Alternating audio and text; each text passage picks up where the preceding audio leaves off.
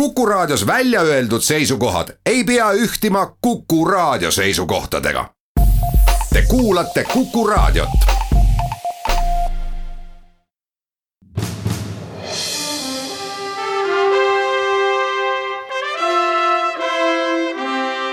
vahetund Postimehega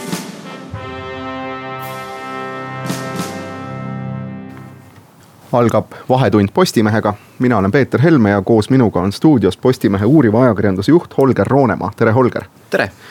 hiljem liitub meiega ka Margus Parts välistoimetusest ning äh, seega kuulaja võib juba ilmselt aru saada, et eks meie teemad kisuvad ka välise poole. aga päris nii see ei ole, nimelt tänases Postimehes on suur üle kolme külje lugu, mis räägib äh, Hiina mõjust Baltimaades. loo nimi on Trooja panda, Hiina pehme jõu raske käsi. see on suur koostööprojekt Eesti, Läti ja Leedu ajakirjanike vahel ning käsitleb siis seda, millised on Hiina Rahvavabariigi huvid Eestis, Lätis ja Leedus. kuidas neisse peaks suhtuma, kuidas nad väljenduvad erinevates valdkondades ja see on ka esimene lugu kolmeosalisest sarjast, mis nüüd kuni reedeni ilmub ja Holger, võib-olla sa räägidki kohe, et kust tuli üldse mõte selline sari teha, kust selline koostöö ja kuidas see kõik valmis? jah, ma olen tegelikult äh mõnevõrra üllatunud, et Eestis siiamaani ega ka Lätis ja Leedus, kui me uurima hakkasime. ei ole ajakirjanduses seda Hiina mõju meie riikides väga palju analüüsitud, et jah, me oleme kirjutanud Huawei'st ja sellest, et milline võiks olla Huawei positsioon meie kurikuulsas 5G hankes või 5G võrkude ülesehitamises. me oleme kirjutanud ja rääkinud sellest, et Hiina raha tahab hakata ehitama Tallinna ja Helsingi vahele tunnelit. aga sellist süsteemset põhjalikku, põhjalikku analüüsi või, või uurimust äh, nagu ei ole tehtud ja, ja see on seda kummastavam, et äh, kui me vaatame seda, mis toimub mujal maailmas. noh, Aafrikast ja ma ei tea, Lõuna-Ladina-Ameerikast äh, rääkimata, aga mis toimub Lääne-Euroopas, Kesk-Euroopas, USA-s, võtame siia konteksti USA ja Hiina kaubandussõja. et see Hiina oht, ütleme siis niimoodi, on nendes äh, piirkondades äh, väga teravalt ka ajakirjanduse, ajakirjanduse päevakavades olnud ja, ja, ja sel kevadel siis äh, meie Läti-Leedu kolleegidega arutades leidsime, et, et võib-olla oleks aeg see, see tühimik täita. ja ega me täpselt ei teadnud, et mida, kuhu me välja jõuame, kui me uurimist, uurimisega alustasime ja paar-kolm, kaks-kolm kuud me sellega tegelesime ja siis järjest hakkasid sellised väiksed killukesed tulema. ja, ja tuleb välja, et need täpselt needsamad mustrid, mis mis kehtivad Lääne-Euroopas, USA-s, aga ka Kesk- ja Ida-Euroopas, teistes riikides. et need Hiinaga seoses avalduvad meil siin Eestis, Lätis, Leedus täpselt samamoodi millised need mustrid on? no näiteks need mustrid, mis puudutavad Konfutsiuse instituute, et see on see, millest me tänases lehes kirjutame. Äh, kuidas äh, Tallinnas, äh, Riias ja Vilniuses igas ühes, ühes ülikoolis töötab Konfutsiuse instituut. milles suur osa eelarvest tuleb otse Pekingist, kommunistliku partei valitsuse käest. ja, ja mis siis levitavad siin oma nägemust sellest, et kuidas me peaksime Hiinat kujutama, mis väldib neile, neile ohtlikke või meile päratuid teemasid või seesama, kui, kui ärevad on hiinlaste reaktsioonid siis, kui kohalikud poliitikud kohtuvad kellegagi Tiibetist, Taiwanist, kui nad puudutavad teemat nagu, nagu Hongkong näiteks.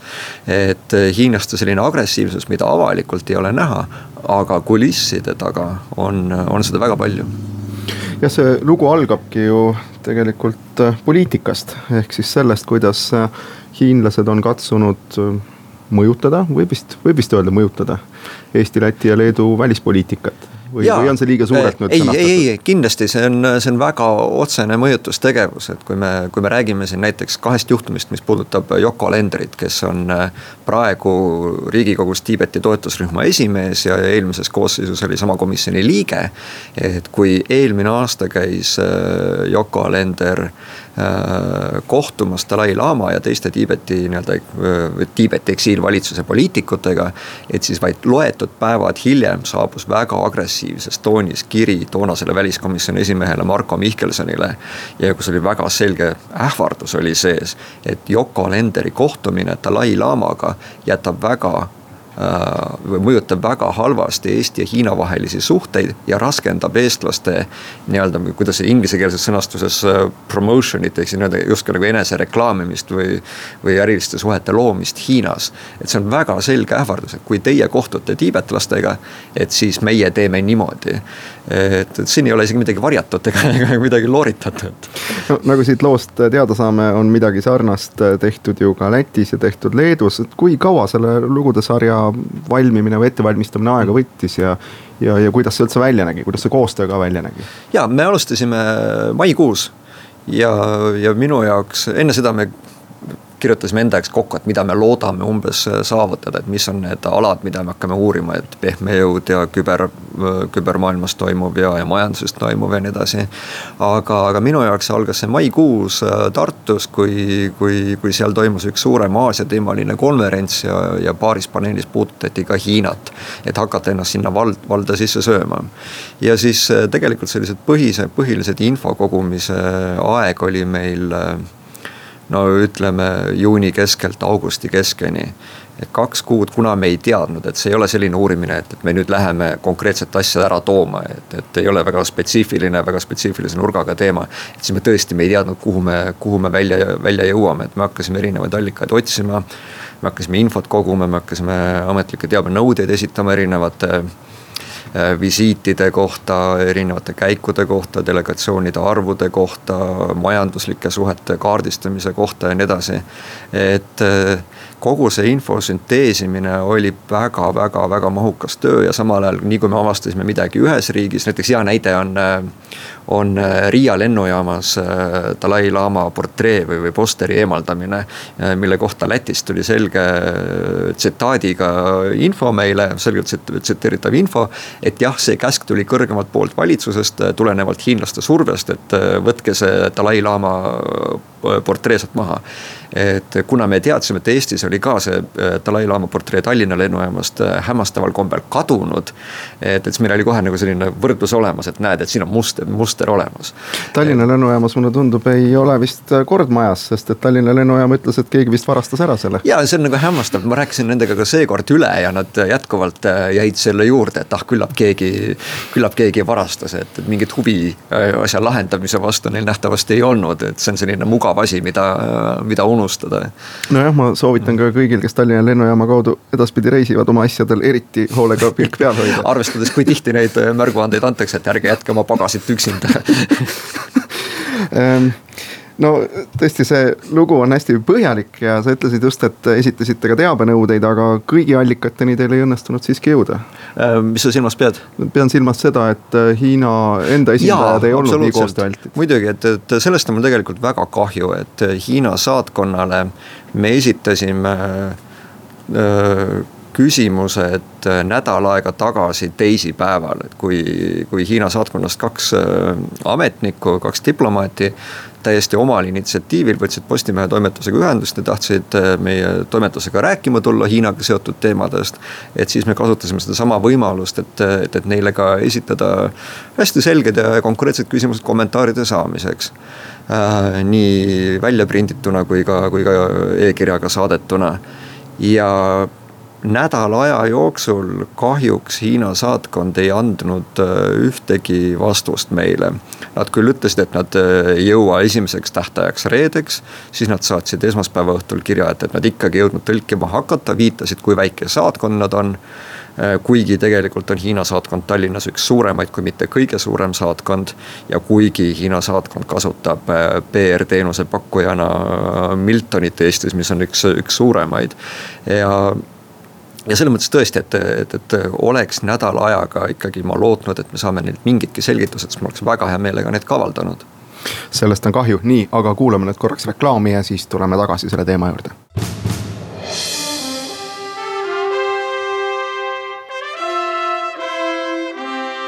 vahetund Postimehega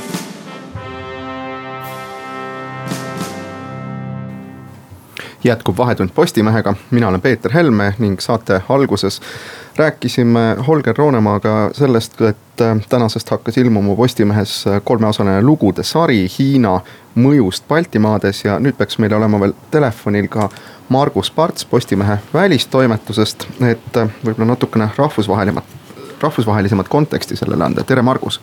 tere päevast no Holger alustas saadet tõdemusega, et äh, me ei ole ei Eestis, Lätis ega Leedus väga uurinud äh, seda, kuidas Hiina oma jõudu nii, nii pehmet kui tugevat rakendab. aga kui tema ja tema Läti ja Leedu kolleegid seda uurima hakkasid, siis selgus, et need mudelid on ikkagi väga samasugused, mida Hiina kõikjal mujal maailmas rakendab.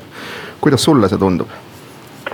Äh, jah, ma arvan ka, sellepärast et ähm, Hiina on üldiselt äh, alustanud äh, ilm, ilmselgelt oma mõjuvõimu laiendamist, eriti pärast äh, kahe tuhande kolmeteistkümnendat aastat, kui Xi Jinping siis kuulutas välja ühe öö, ühe tee projekti. ja praegu me näeme, et äh, need arendused ja see mm, majanduslik ja poliitiline mudel on maailmas üsna sarnane. et ähm, noh, Hiina muidugi esitab seda projekti võimalusena riikidega koostööd laiendada aga samas on äh, viimasel ajal just tulnud hästi palju kriitikat selle kohta, et, äh, et Hiina üritab kehtestada oma majanduslikku ülevõimu ja hõivata ka strateegilise tähtsusega taristut. ja, jah aga kes seda kriitikat esindavad, et selles mõttes, kui kriitikat esindavad noh, lihtsalt Hiina konkurendid, noh siis on see ju arusaadav või. või on see miski, mis äh, peaks meil ka kuidagi häirekellad siin käima panema no vot, kui võtta nüüd konkreetselt äh, näiteks Euroopa Liidu tasandit, siis on näha, et äh, Euroopa Liit on äh, jagunemas selgelt kahte leeri. et on kuusteist pluss üks riigid, ehk siis ähm, Euroopa Liidu idapoolsemad riigid, Kesk-Euroopa ja Balkan, mis teevad koostööd Hiinaga. ja see kuusteist pluss üks programm soosib üsnagi regionaalset koostööd mis võib siis raskendada tegelikult otsuste vastuvõtmist Euroopa ülesel tasandil. ehk siis äh, tekivad käärid äh, Lääne-Euroopa ja Ida-Euroopa vahele. ja ma, toon... ma arvan, et ja ma tooks korraks siia kohe konteksti juurde, et, et see jah, kuusteist pluss üks, mis praeguseks on kasvanud tegelikult seitseteist pluss üheksa, et Kreeka vist on, on see nii-öelda hiljutisem lisandus. et Eesti on ju Äh, pikalt olnud selle formaadi või, või, või liikumise liige. meie peaminister, kes iganes ta siis juhtub sellel hetkel jälle olema, käib nendel kohtumistel, suhtleb otse Hiina, Hiina ametikaaslastega. ja seda olukorras, kus Eesti tegelikult ju äh, toetab ühtset Euroopa Liidu välispoliitikat aga sellegipoolest me siit kõrvalt, äh, kõrvalt sebime hiinlastega ikkagi mingis oma, oma seltskonnas. et me nagu, nagu me ka täna Postimehe juhtkirjas tõstatasime, et kuidas Eesti tunneks ennast siis, kui samasugune, kui näiteks Lääne- ja Kesk-Euroopa riigid looksid samasuguse liikumise või formaadiga suhtluses Venemaaga, et kas me siis nagu äh, käituksime samamoodi või oleksime nagu rahul sellega? jah, ja seetõttu on Euroopa Liit hakanud ka üsna jõuliselt sõna võtma viimastel aastatel ja süüdistanud ikkagi otsesõnu juba Hiinat Euroopa ühtsuse lõhestamises ja kuusteist pluss üks või siis noh, praeguseks seitseteist pluss üks äh, formaadi kasutamises äh, Trooja hobusena. nüüd on tehtud äh, Euroopa poolt ettepanek luua Euroopa ülene monitooringu mehhanism. aga tundub, et kuna tegelikult nendel tihti siis vaestamatel idapoolsematel riikidel on Hiinaga koostööst oluliselt rohkem võita, siis need kõnelused ja see ühtsuse loomine on jäänud ikkagi üsna, üsna algstaadiumisse, et sellest võib äh, tekkida suhtluses Euroopa Liiduga üsna tõsine probleem. aga võib-olla te räägite natuke lahti, et mida see seitseteist pluss üks formaat endast siis kujutab, sest ma saan aru, et see on ju selline pigem äh, natuke nagu amorfne või, või siis ütleme lihtsalt laiapõhjaline koostöö, et see ei ole ühe valdkonna keskne ju äh, ja tõepoolest on laiapõhjaline koostöö, siis kui nüüd täpsemalt välja tuua, siis sinna kuuluvad üksteist Euroopa Liidu riiki, neli kandidaatriiki ja siis vist üks potentsiaalne kandidaatriik. Ähm, aga nagu ma siis mainisin, et äh, see platvorm soosib ähm, pigem nagu kahepoolset äh, või regionaalset suhtlust Hiinaga. ja noh, iseenesest ju koostöös ei ole mitte midagi halba, aga probleem nüüd tekibki selles, et, äh, et Hiina on nii suur jõud ja tegelikult kui me nüüd oleme siin hakanud rohkem rääkima Hiina ohtudest siis nendele ohtudele vastu seismiseks on äh, tarvis Euroopa Liidul säilitada ühtsus ja kui iga riik või iga regioon siis hakkab oma poliitikat ajama, siis ma arvan, et see ühtsus ja see, see nii-öelda äh, safe äri muutub üsna keeruliselt saavutatavaks. Ja kui siia konteksti juurde panna, et, et needsamad seitseteist pluss üks riigid ju kõik loodavad midagi tegelikult Hiina käest saada et jah, Eesti siiamaani justkui nagu ei ole saanud midagi, aga enamasti selle saamise all ju peetakse silmas äh, mingeid investeeringuid, on see siis äh, taristusse Äh, või, või, või mis iganes sektoritesse. Et siis me näeme, et, et juba Serbias äh, on, on hästi suur koostöö hiinlastega, hiinlaste rahad tulevad sinna, hiinlased kasutavad Serbiat äh, polügoonina või, või katsetusjaamana oma, oma näotuvastussüsteemide ehitamisel. me näeme, et Ungaril on väga palju otsesidemeid Hiinaga, et kus ehitatakse raudteed, kus, kus on kaubaterminalid Äh, ja, ja, ja nii edasi. ja kui mina siin oma lugude jaoks või meie lugude jaoks ettevalmistamisel rääkisin erinevate inimestega, muuhulgas sellest seitseteist pluss üks formaadist. et siis äh, ühest küljest ka öeldi, et, et, et see on äh, mingis mõttes Euroopa Liidu enda viga või tegemata jätmine. et õigel hetkel ei kaasatud või ei, ei investeeritud nendesse nii-öelda Kesk- ja, ja Ida-Euroopa poole jäävatesse riikidesse piisavalt palju. ei aidatud seal välja ehitada raudteid, maanteid ja, ja, ja sellist infrastruktuuri. ja nüüd hiinlased kasutavad selle, selle tühimiku ära jah, see peegeldab arenguid tegelikult ka mujal maailmas, meil oli hea võimalus rääkida paar kuud tagasi El Salvadori opositsioonisaadikuga kes siis ütles, et äh, USA taandumisel Kesk-Ameerikast on üha jõulisemalt tulnud sinna sisse Hiina. Äh, toonud siis kaasa omad suured investeeringud, aga samas nende investeeringute küljes on teatud konksud, mis tulevad siis tihti poliitilise hinnaga ja paljud sealsetest riikidest on siis vahetanud oma diplomaatilist kurssi, näiteks hakanud toetama Hiina Rahvavabariiki, loobunud sidemetest Taiwaniga ja, äh, ja nii edasi, et noh, sellist ähm, protsessi on näha igal pool maailmas tundub aga samal ajal on vist ju ometi ka arusaadav, et ega me nüüd päris ilma Hiinata ka ei saa ja, ja noh, teie juttu ilmselt ei peaks võtma ka nii, et nagu Eesti ei peaks üldse mingisugust koostööd Hiinaga tegema. ei, ei, ei, seda kindlasti mitte, et Hiina on kahtlemata väga oluline riik, et ja, ja ka Eesti jaoks nii praegu kui tulevik tõenäoliselt üha kasvava olulisusega. ja, ja see on ka üks põhjus, miks Äh, miks me peame enda jaoks väga hästi läbi mõtlema, et kuidas me tahame Hiinaga suhelda ja mis on meie eesmärk Hiinaga suhtlemisel. et me, et kas me peame Hiinaga otse suht-, suhtlema, kas Hiina saab olema ühel hetkel julgeoleku kuidagi tagajaks Eestile või, või kui palju nendest sõltub meie jaoks puhtalt julgeoleku küsimustes. Äh, kuidas me tahame mõjutada Euroopa Liidu ühtset välispoliitikat loodetavasti, äh, mis äh, peab Hiina osas seisukoha võtma ja nii edasi, et öelda, et, et Hiina on halb ja sellega me peame kõik sidemed lõikama, et see on kindlasti vale, aga me peame väga hästi läbi mõtlema ja teadma, et mida ja kuidas me tahame Hiinast saada, kuidas me ennast nendes suhetes näeme see probleem äkki ongi vist selles, millest kirjutas juba veebruari lõpul Urmas Hõbepappel ka Postimehes, et Eestil seni puudub, see on väga terviklik Hiina poliitika, see on pigem põhinenud ikkagi sellele, et kellelgi tuleb jälle Hiina meelde piltlikult öeldes, siis sellega tegeletakse. siis võib-olla langetakse ka mingisuguse konkreetse Hiina initsiatiivi otsa nii-öelda, mis tundub hästi tore, aga samal ajal keegi ei mõtle läbi, kuidas see mahutub suuremasse pilti. just täpselt, et meil on omal ajal vastu võetud Aasia strateegia riigikogus, kui ma, kui ma nüüd peast õigesti ütlen, et see puudutab Hiinat suhteliselt vähe. ja, ja ka siin erinevate inimestega suheldes, et on aru saada, et me tegelikult, me ei tea, kuidas me tahame hiinlastega suhelda. me teame, et Hiina on oluline ja pigem me praegu nagu venitame sellega, et oleme nii kaua vait ja ei tee midagi, kui, kui võimalik seda, ühest küljest me nagu tahaksime saada Hiina kaupa ja transiiti ja raha ja majandust. aga teisest küljest me ka tajume neid, neid ohte, mis seal on, et, et me nüüd nagu üritame olla võimalikult vaikselt. ja mingis mõttes isegi tähelepandamatud, et iga, et, et mitte ärritada meie liitlasi läänes Hiinaga seoses. ja, ja täpselt sama olulisena, et me ei ärritaks äh, Hiinat et me ei keeraks kuidagi neid enda, enda vastu. See on segane seis jah, et aga võib-olla on meil siin siiski võimalik oma sõpradelt äh, mujal maailmas õppida, aga kas on ja kuidas on, sellest räägime pärast kaubanduslikke teadaandeid ja uudiseid.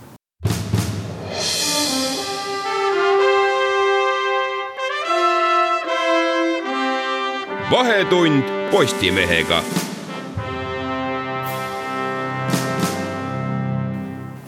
jätkub Vahetund Postimehega, mina olen Peeter Helme, minu tänased vestluskaaslased on Holger Roonemaa ja Margus Parts, kellega räägime sellest, kuidas Hiina oma mõju Balti riikides rakendab või seda rakendada üritab. ja lõpetasime enne uudistepausi tõdemusega, et Eesti välispoliitika Hiina osas on üsna läbimõtlemata ja juhuslik ja see on nüüd sobiv koht, kus Holger sinult küsida, et kuidas siis Läti ja Leedu näiteks sellega toime tulevad, kas nende Hiina poliitika on selgem, läbimõeldum, arusaadavam, kuidagi parem? minu meelest isegi vastupidi, et kui me räägime Eestist, siis tegelikult üheksakümnendate algusest on Eesti poliitika mingis mõttes olnud arusaadav, et seda joont me oleme hoidnud, et üheksakümne neljandal aastal Äh, Lennart Meri siis presidendina koos, koos Hiina toonase presidendi Jiang Zeminiga allkirjastasid siis äh, ühise deklaratsiooni ja, ja Eesti tunnustas ametlikult ühe Hiina poliitikat. et me oleme ametlikult täiesti ennast sidunud ühe Hiina poliitikaga ja, ja see on äh, täiesti normaalne. et nüüd, mis pärast seda jälg-, järgnenud on, et, et kui me vaatame, et kuidas Eesti poliitikud pärast seda on jah, Dalai-laamaga kohtunud, osalenud nendel üritustel küll jah rõhutatult ilma lipsuta ja mitteametlikult, aga, aga ikkagi tänu nendele kohtumistele on olnud Hiina, Hiina saatkonnal võimalik alati esitada selline protest, et kuulge, et, et te olete ju öelnud, et te jälgite ühe Hiina poliitikat.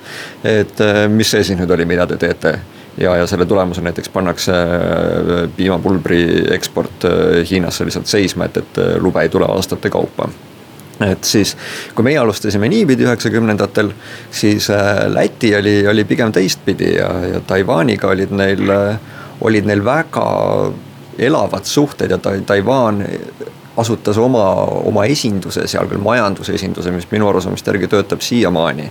ja, ja siis nüüd nagu on Läti liikunud pigem vastupidi, et jah, see esindus on kuskil seal küll olemas, aga, aga riik on järjest nagu astunud lähemale ikkagi sellele ühe Hiina poliitikale et, et seda sellist nagu peataolekut äh, paistab mõlemalt poolt välja aga Margus, äh, kuidas Eesti peaks sinu meelest käituma, et äh, kui ma veel kord tsiteerin seda Urmas Hõbepappeli veebruarikuist lugu, siis tema toob heade näidetena välja Soome, Taani ja Suurbritannia.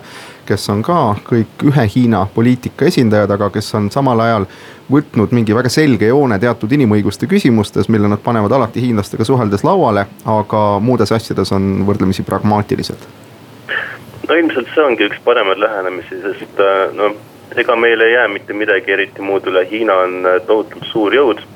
Eesti kuigi suur jõud ei ole teatavasti ja mida me, mida me saame teha, on see, et äh, hoida ja arendada vastastikuseid suhteid, aga samas jääda kindlaks oma põhimõtetele ja jääda kindlaks euroopalikele põhimõtetele. ja noh, jah, tõepoolest nagu Olga tõi välja, et Hiina on väga äh, varmalt valmis äh, kehtestama tollikeelde ja panema lihtsalt kaupu seisma, aga küll need tollid ükskord liikuma hakkavad ja, ja ma arvan, et kui kõik riigid siis ühe korraga võtaksid näiteks äh, Hongkongi või Xinjiangi küsimuse laualt maha, siis Hiina valitsus tunneb, et nad on võitnud selles põhimõttelises küsimuses ja see ei ole kindlasti see, mida Euroopa peaks tahtma aga ähm, noh, mis, mis siis selles mõttes meil üldse üle jääks, et äh, noh, sa ütlesid, et Hiina on ikkagi väga suur jõud, et, et. küll me võime öelda, et me peame olema pragmaatilised, aga mida see päriselt tähendab? no see ongi kahe teraga mõõk, et äh, kui me tahame arendada Hiinaga koostööd, siis me ilmselt peame tajuma ka seda, et sellel on teatav hind, aga me ei tohiks ilmselt seda hinda väga soolaseks enda jaoks ajada ja ikkagi kahe jalaga jääma ka nagu enda, enda seisukohtade juurde. et ega tegelikult head vastust sellele ei olegi, lihtsalt ma arvan, et ilmne vastus ongi see, et tuleks jääda, jääda ja seista meie põhimõtete inimõiguste eest jah, aga kus see piir läheb või õigemini, kuidas see siis igapäevaelus rakendub, kui tänasest Postimehest võime ka lugeda, et näiteks Konfutsiuse instituutides õpetatakse hiina keelt ja kultuuri väga selgelt Pekingist tulevate juhtnööride järgi. noh, Pekingis siis. Pekingi palgal olevad õpetajad, keda me isegi ei suuda ise valida välja. täpselt, keda ei ole võimalik Eestis kontrollida, noh sisuliselt võiks öelda, et me laseme ju Eestis äh, ajupesu teha. see on seda kurioossem olukord, et meil ei ole ka teist võimalust, äh, mis on isegi kui ma Kaapo käest küsisin kommentaari, et, et siis äh, nende kommentaari üks osa oli see, et, et äh, aga mis meil parata. et, et Eesti on, nagu Margus just ütles, et Eesti on nii väike, et meil pole endal, meil on esiteks hästi vähe hiina keele rääkijaid, veel vähem hiina keele õpetajaid ja, ja, ja veel vähem võimalust seda nii-öelda võimet luua. Ja siis me ühtepidi nagu olemegi sellises väga sunnitud asendis, et, et kui me tahame, me näeme, et meil on vaja hiina keele rääkijaid tulevikus üha rohkem. et, et kuidas siis seda oskust saada. ja, ja siis nagu ainukene variant, mida me praegu näeme, ongi siis see, et, et Konfutsiuse instituudi peakontor Hanban siis otse Pekingist saadab endale meelepärased õpetajad siia hiina keelt õpetama. ja, ja kes teab, kes teab, mida veel teha, tegema no siis tähendab seda, et me peame lihtsalt äh, jääma lootma oma kodanike loomulikule intelligentsile ja sellele, et nad hammustavad läbi, et mitte kõik, mis seal räägitakse, ei ole puhas kuld. jah, aga see on jällegi nüüd akadeemilise vabaduse poolest ja, ja kõik nii edasi, et, et on selline natukene nagu äh, nukker olukord, et, et ka Katariina Koort äh, täna meil loos äh, ütleb, et äh, jah, tema hoiab silma, tema ülesanne on hoida silma peal nendel hiina keele õpetajatel, kes siia tulevad. aga, aga teistpidi ta ütleb, et, et ta väldib äh, konfliktsete teemade ja, ja ürituste äh, ülestõstmist äh, Konfutsiuse instituudis. et äh, noh, ma ei tea, me ei ole seda katsetust teinud, aga ma ei tea, kas Tallinna Ülikool, kes võõrustab siis Eesti Konfu-, Konfutsiuse instituuti. kas seal oleks näiteks võimalik korraldada Tiibetit või praegu Hongkongi proteste toetav meeleavaldus või, või selline ürituste sari. kas näiteks Tallinna Ülikool on valmis selleks? ma ei ole üldse sugugi veendunud see, seda me tõesti ei tea ja ma miskipärast arvan, et see on üks katse, mis jääb ka tegemata et võib-olla nende asjadega ongi nii, et äh, mingites küsimustes on võimalik noh, kokku leppida asjades, milles ei ole võimalik kokku leppida. jaa, aga noh, taaskord ega tegelikult selle Konfutsiuse instituudi puhul konkreetselt me ei räägi ju väga suurtest rahasummadest. selle tänavune eelarve kokku on kakssada viiskümmend tuhat eurot, millest siis Tallinna Ülikool paneb natukene üle poole.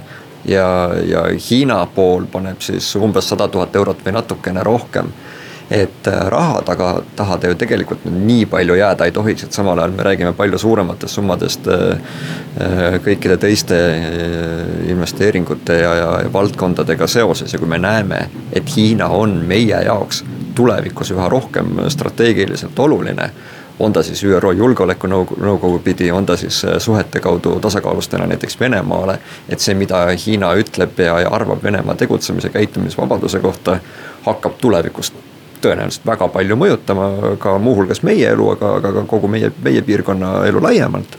et siis võib-olla me ikkagi peaks ise mõtlema selle üle, et, et mismoodi see Hiina teema ikkagi enda kontrolli alla võtta, et mitte sõltuda sellest, mida kommunistlik partei Pekingis heaks arvab.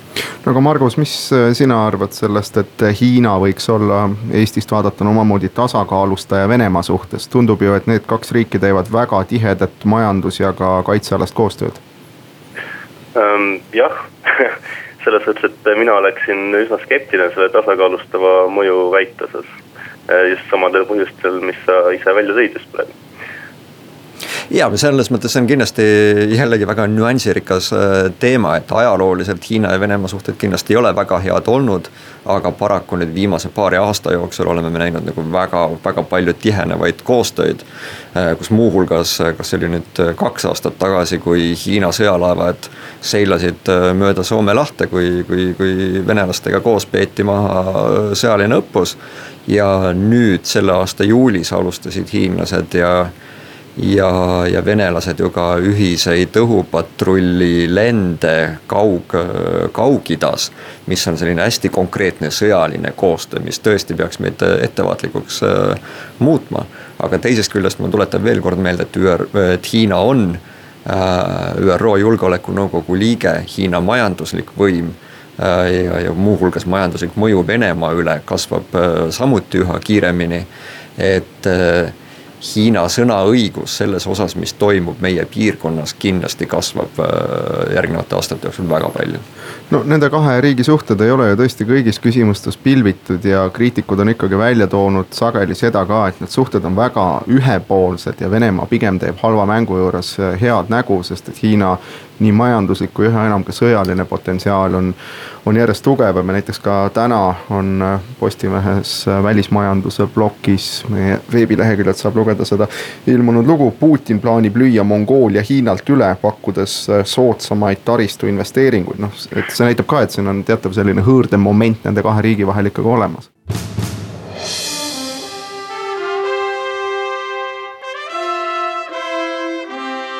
vahetund Postimehega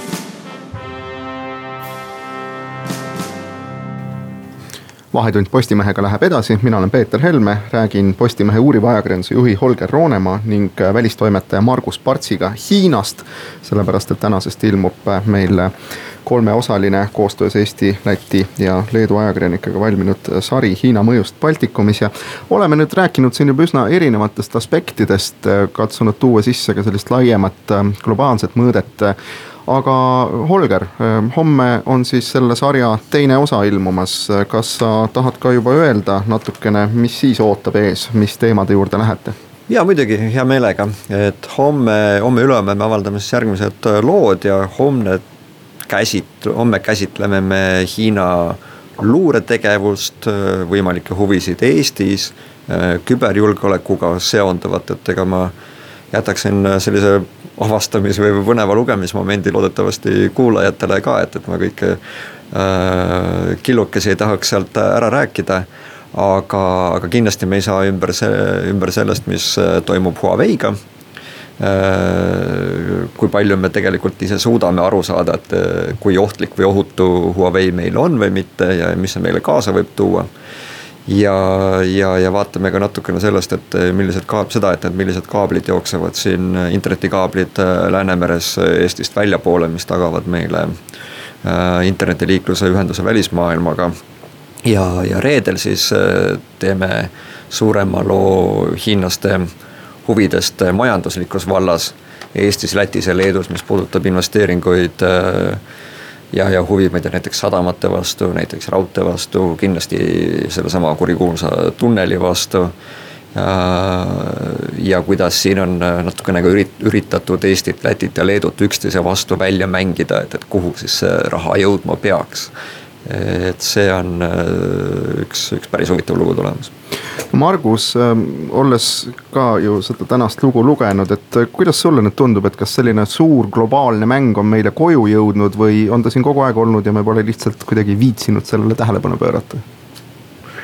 no see on keeruline küsimus ju, võib spekuleerima hakata siin, et äh, kas ta nüüd on kogu aeg olnud, ma ise usun, et äh, Hiina on oma mõjutegevust viimastel aastatel meeletult laiendanud ja forsseerinud just äh, seoses äh, üha agressiivsema välispoliitikaga ja üha suurema majandusosakaaluga, mis annab neile ju tegelikult äh, vabad käed tegemaks seda, mida nad suuresti ise tahavad. nagu me eelnevalt siin oleme märkinud, et Hiina on suur. kui ta teeb kahepoolset koostööd riikidega, mis on väiksed, siis on Hiinal väga mugav painutada riike enda tahte järgi ja tegelikult äh, ma tahaks toonitada veel kord seda, me enne reklaamipausi jäime natuke pooleli. et äh, mina ütleks äh, selle Venemaa ja Hiina tasandamise kohta seda, et, et võib-olla ei ole hea võtta sellist positsiooni, et nüüd üks riik tasandab teist, vaid ikkagi on tähtis rõhuda sellele, et, et Euroopa oleks ühtne plokk.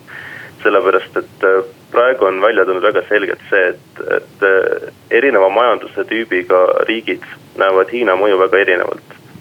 Need maad, kus on juhtivaks jõuks näiteks arendus, innovatsioon, mis on arenenud riigid, suhtuvad Hiina mõjudesse üldiselt skeptilisemalt. seal on väga palju küsimusi omandiõigustega ja nii edasi ja nad mõtlevad üsna hästi läbi enda suhted Hiina turuga. Aga riigid, mis sõltuvad rohkem väliskapitalist, mis on rohkem arenenud riigid ja näiteks mida majanduskriis tabas valusamalt Äh, nemad ilmselgelt näevad Hiina investeeringutest suuremat kasu ja nüüd on äh, väga oluline see, et viia need äh, kaks leeri kuidagi ühele pulgale. et meie siis Euroopa Liidu tasandil saaksime suhelda Hiinaga enam-vähem võrdväärsete partneritena, sest üksikriikidena ilmselgelt see ei ole meie jaoks väga võimalik aga siis äh, võiks ka küsida nii, et äh, Hiina otseinvesteeringuid Eestisse on ju suhteliselt vähe, et äh, saan aru, see on ka selline pikk teema, aga niimoodi lühidalt, et mis teie arvate, et kas jah või ei neile? Hiina otseinvesteeringute maht Eestisse on null koma kuus protsenti kõikidest kõikidest otseinvesteeringutest, tõsi, tõsi, see on kasvanud kiiresti. Ja, aga mis olulisem on see, et äh, Hiina investeeringud tihti ei tule otse Hiinast, et nad tulevad, nad jõuavad ka meieni läbi näiteks ma ei tea, Soome või, või läbi Hollandi või läbi, läbi teiste vormide, näiteks äh, kui ostetakse ära mõni Eesti ettevõte. et siis ei osta seda ära Hiinas asuv ettevõte Eestis, näiteks nad ostavad ära emafirma Amsterdamis. ja sellega ühes, ühes siis ka Eestis asuva, asuva haru. et, et see null koma kuusteist protsenti on mõnevõrra petlik kindlasti ma tegelikult lisaks siia hea meelega, et, et noh, Eesti eksisteerib loomulikult saarena maailmas ja kui vaadata nüüd Euroopa tasandit laiemalt, siis Hiina investeeringud Euroopasse on kasvanud kaheksa aastaga ligi viiskümmend korda. see on väga märkimisväärne näitaja. just ja nagu Margus alustas vastuseks Peeter sinu küsimusele, et et jah, me peame aru saama sellest, et äh, millised on meie nagu huvid, majanduslikud huvid äh, hiinlaste, hiinlaste poolt, et mida meie tahame saada. aga me ei tohi kindlasti sattuda sellisesse võlalõksu.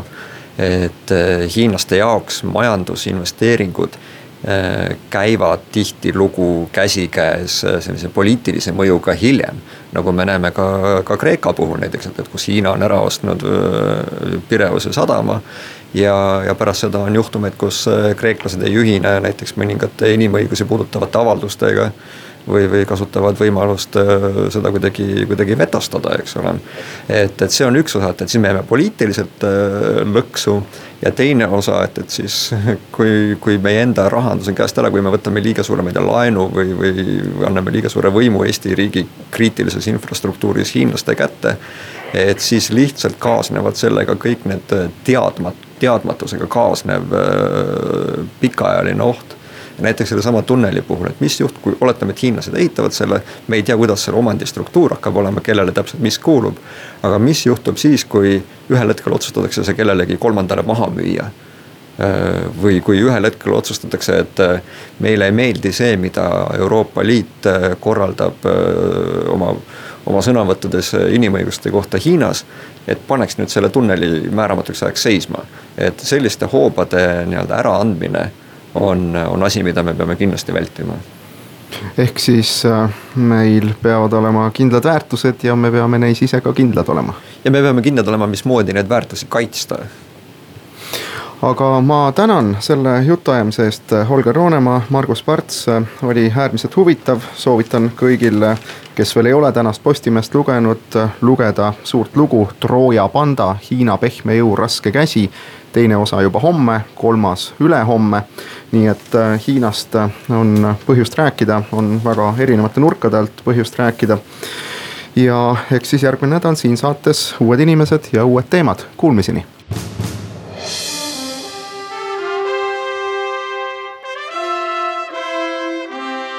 vahetund Postimehega